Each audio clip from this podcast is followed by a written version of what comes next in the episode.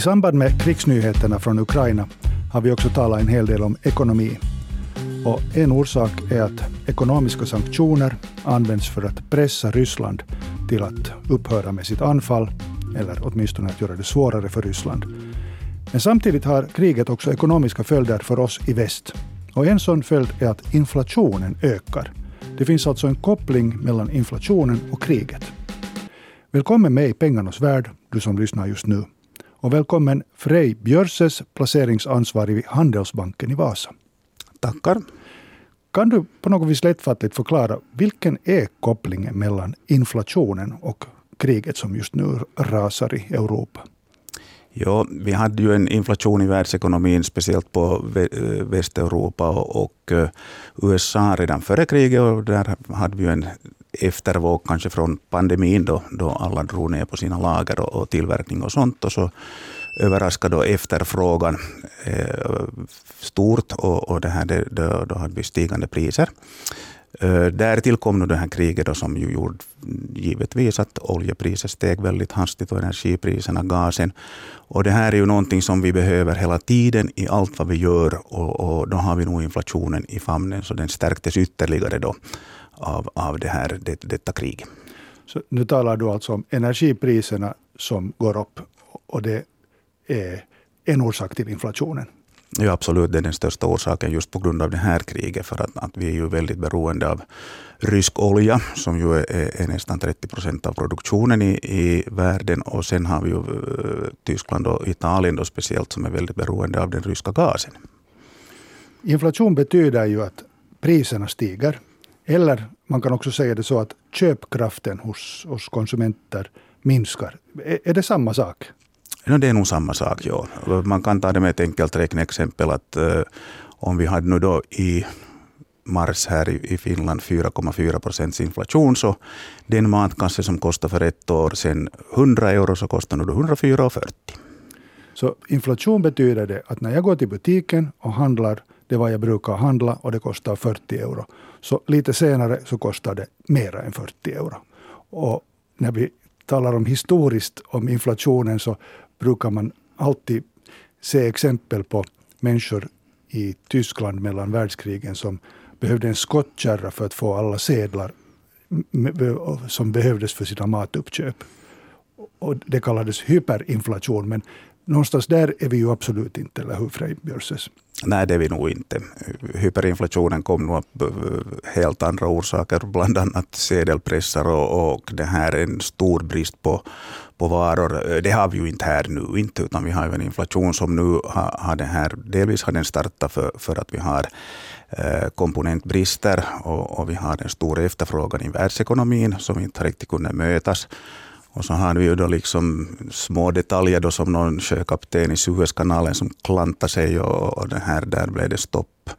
Och uh, därtill kommer det här nu, men vi är ju ändå inte uppe på sådana såna rysliga nivåer. Vi hade väl sen nu eh, högsta var väl noteringen och då 9 procent i, i, Italien här för, för mars, men, men eh, vi pratar ju inte om någon hyperinflation för det inte.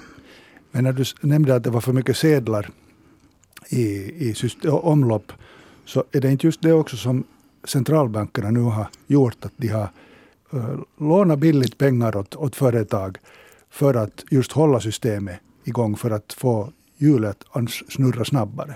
Så på sätt och vis liksom har vi för mycket pengar i omlopp nu, eller? Ja, stämmer. De har ju varit och stödköpt nu då på, speciellt på räntemarknaden, har de, har de tyngt ut pengar både i USA och gör det ännu samma här i, i Europa, Europeiska centralbanken. Och här, eh, det har de ju gjort ganska länge redan. Eh, de kommer ju att minska i det nu i och med att vi har inflationen i famnen och den har överraskat på högre, högre nivåer än väntat varenda månad nu de senaste fem, sex månaderna. Så de här stödköpen avslutas nog. Och eh, man kan väl kanske fundera då att vart, vart, var har vi liksom inflationen i, i, på basen av dessa mycket pengar? Och då kan man tänka sig att är det då fastighetspriserna som har stigit för mycket? Är det börsen som har stigit för mycket? Det där är någonting som vi får, får det här se an efter. Det talas mycket om strejker. Just denna morgon då vi spelar in den här diskussionen så börjar vårdarstrejken. Eh, och strejken strävar då förstås efter att höja vårdarnas löner. Eh, och en orsak till inflation brukar ju sägas vara också att lönerna stiger. Och eh, då har vi dels att det är mycket pengar i omlopp, dels att lönerna stiger och dels som, som du sa att energipriserna stiger. Sen talas det också om att förväntningar på inflation skapar inflation. Kan, kan du förklara det? Ja, förväntningar på inflation skapar väl inte i sig inflationen, men de höjer ju på räntorna. Det de, de, de, de långa räntorna som, som stiger då, då förväntningarna på inflationen stiger. För att det är ju klart att ska du, ska du köpa, köpa Finlands obligation på, på tio år så du nöjer dig inte med en procent om inflationen är tre procent. För då, då kommer du efter tio år ut med, med mindre köpkraft. Så, så de där förväntningarna då skapar kanske inflation igen. Alltså inflationsförväntningar skapar högre räntor. Och, och, och med högre räntor så får du igen lite mer inflation. Okej. Okay. No, nu när vi diskuterar inflationen och, du redan, och, och vi redan har flera gånger nämnt energipriser. Så, och samtidigt talar vi också om höjda livsmedelspriser, matpriser. Så tycker det är ganska klart att inflationen drabbar väl oss inte alla lika. Jag menar, om inte jag har en bensinbil så då slipper jag väl en stor del av eländet. Eller oljeuppvärmning för den delen. Eller hur funkar det? Ja, du ser, den, är, den är det här inte alls jämlik. Och ganska bra exempel har vi ju faktiskt eh, om vi ser i Europa nu då med, med Italiens 9 procent, Tyskland 7,5, Finland 4,4. Och de här siffrorna är eh, garanterat också för, för hushållen alldeles likadana. Att uh, cyklar du till jobbet och, och, har en lite mindre, lite mindre hus eller mindre lägenhet så inte, inte drabbas du alls på samma sätt som den som måste eh, pendla eh, 100 kilometer med, med en bil och har ett stort egnahem som, som har då direkt elvärme eller, eller oljeeldning. Så, så det här, de, de, är väldigt olika. De, här. Att de siffror som, som alltid kommer, då, som, som vi hade nu senast 4,4 för Finland, så det är ju liksom för medelmedborgarens bruk. Jag har ibland tittat i de här sammanhangen på den här matkorgen eh, och tänkt att men, hej, om jag plockar därifrån bort just sånt som går upp så borde det ju inte drabba mig. Det är väl en någorlunda hållbar strategi, eller? Ja, absolut. Eh, jag tror dock med dessa högra energipriser nu så, så, det här, så får du nog plocka väldigt noggrant för att inte få en dyrare matkorg. För att det kommer nog gå igenom liksom allt. Och vi har ju dessutom då de här spannmålspriserna som påverkas mycket av det här kriget i och med att, att det är ju jättestora veteexportörer, både Ukraina och Ryssland, så det kommer att gå på, på världsmarknaden priserna och de drabbar nog också oss här. Och så är det väl också på det sättet i sanningens namn att även om jag inte skulle ha en bensinbil, no, vilket jag nu de facto har, men eh, om jag inte skulle ha en bensinbil så eh, eftersom till exempel den som transporterar mina varor till butiken drabbas av högre bensinpriser så drabbar det ju mig sen ändå, förr eller senare, eftersom den som transporterar höjer priserna och den som säljer varan höjer priserna och då då, då kommer det från min plånbok sen ändå. Ja, absolut. Så här är det. För att de kan ju inte transportera, eller transportbolagen måste ju också göra vinster för att överhuvudtaget överleva och då blir transporterna dyrare och det, det går ut i varorna och i din plånbok till syvende och sist. Så det är nog liksom vi konsumenter som betalar det här hela. Och så tänkte jag på det att den som har små marginaler, den som har lite pengar, så den drabbas naturligtvis hårdare. Jag menar, den som har goda inkomster, så den kan ju liksom lite välja bort att okej, okay, jag gör inte där och jag köper inte där.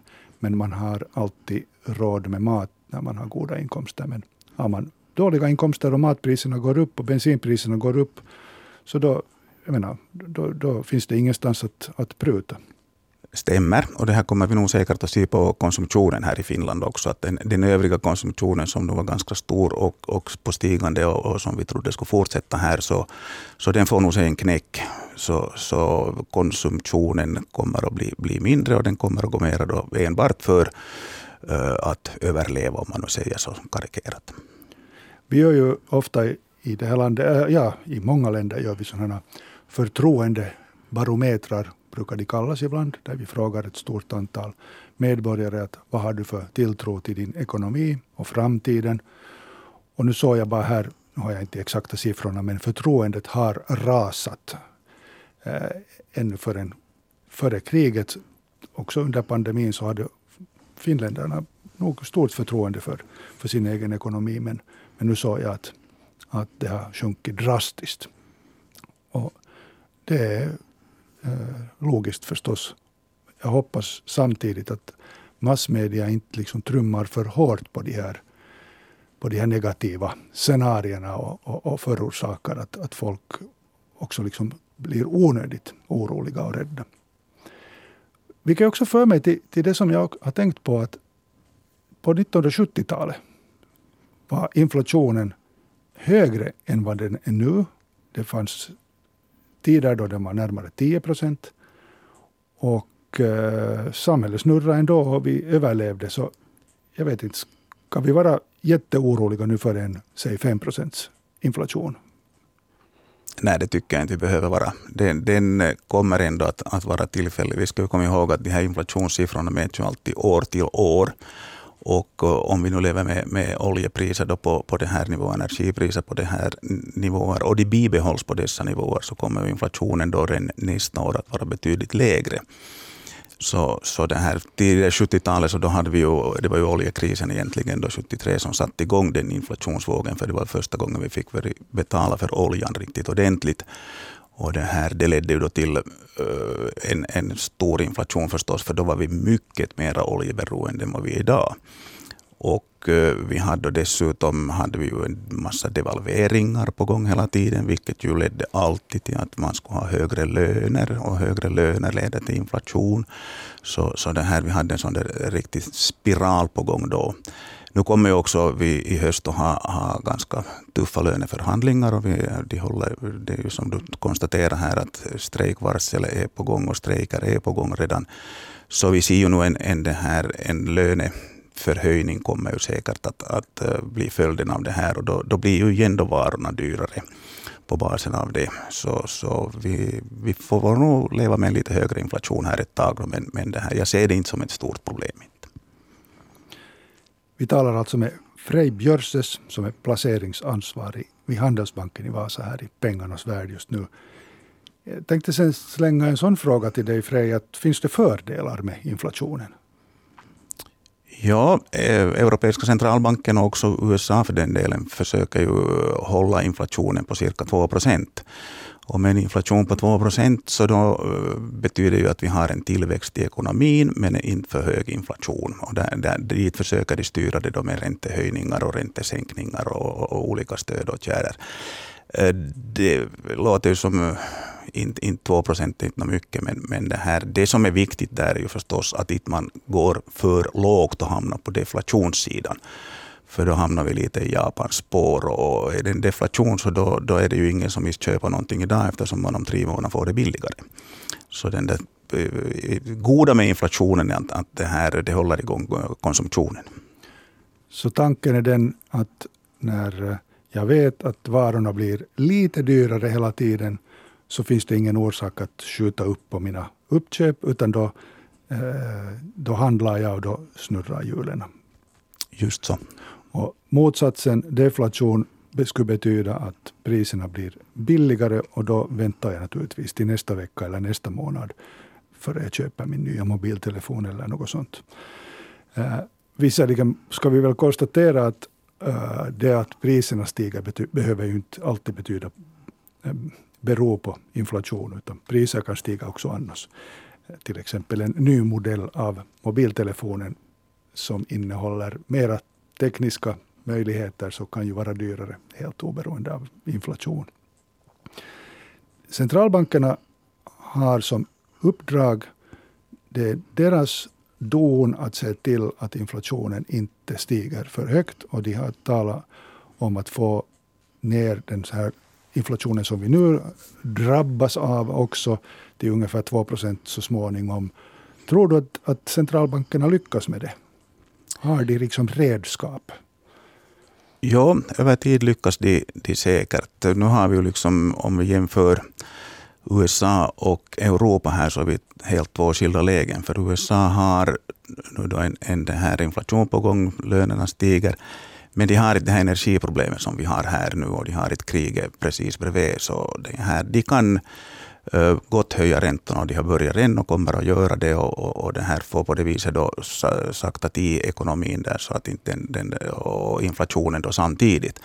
Medan här är ju lite nu mellan barken och trä för att uh, vi har redan liksom stigande priser som i sig också bromsar ekonomin som vi konstaterar just eh, bromsar konsumtionen.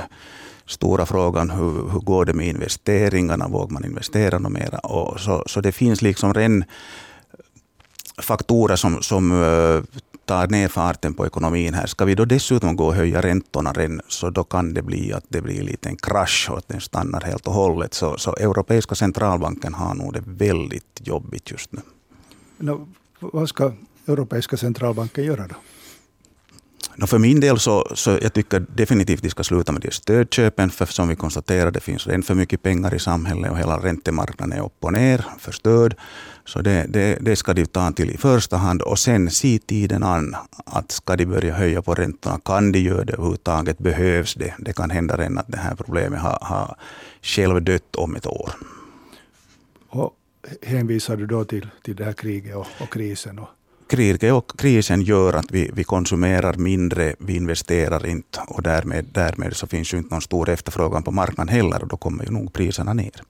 Märker du i egenskap av bankman att, att människors tilltro till, till framtiden har, har det där minskat? Eller ska vi säga att folk är försiktigare med både placeringar och, och till exempel lägenhetsköp och, och bostadsköp och sånt? Nej, jag har inte märkt det ännu här i, i Vasa i alla fall. Så, så bostadsmarknaden går nog, går nog eh, helt okej okay ännu. Och, och den här företagssidan också investerar. Så inte, inte har det kommit ännu, ännu emot. Men, men det här, de här större investerarna kan jag nog förstå att de, de, de tänker och funderar. Och, och nu är ju liksom alla byggnationer med en sån här inflation väldigt svår. Jag menar, ska du göra ett projekt nu då på ett och ett halvt år och du har ingen aning om vad, vad varorna kostar om ett år, så nu, nu är det ju jättesvårt att, att sätta igång det. Eh, placerarna då så, så de är ju lite avvaktande för börskurserna kom ju ner och så kom de upp tillbaka väldigt hastigt. Så, så här har vi ju kanske inte sett alltihop ännu med vad det här kriget kan medföra. Och det är väl just det, för avslutningsvis så kan vi konstatera att vi vet inte ännu vart, vart det här kriget för oss så att säga. Och, och, och vi ska ju förstås då hoppas att, att det inte sker en sån här eskalation, att det inte trappas upp eller breds ut desto mera. Men jag tolkar liksom dina ord här nu i den här diskussionen egentligen som ganska lugnande. Eh, det att inflationstakten är mycket högre än vad den har varit under senaste tiden är inte så farligt. Och vi, det, det liksom rättar till sig så småningom. För att nu riktigt säga det kort och enkelt. Ja, så tror jag. Bra. Frej Björses från Handelsbanken i Vasa. Tack för att du var med i Pengarnas värld. Tackar. Du har just hört I Pengarnas värld med Pekka Palmgren.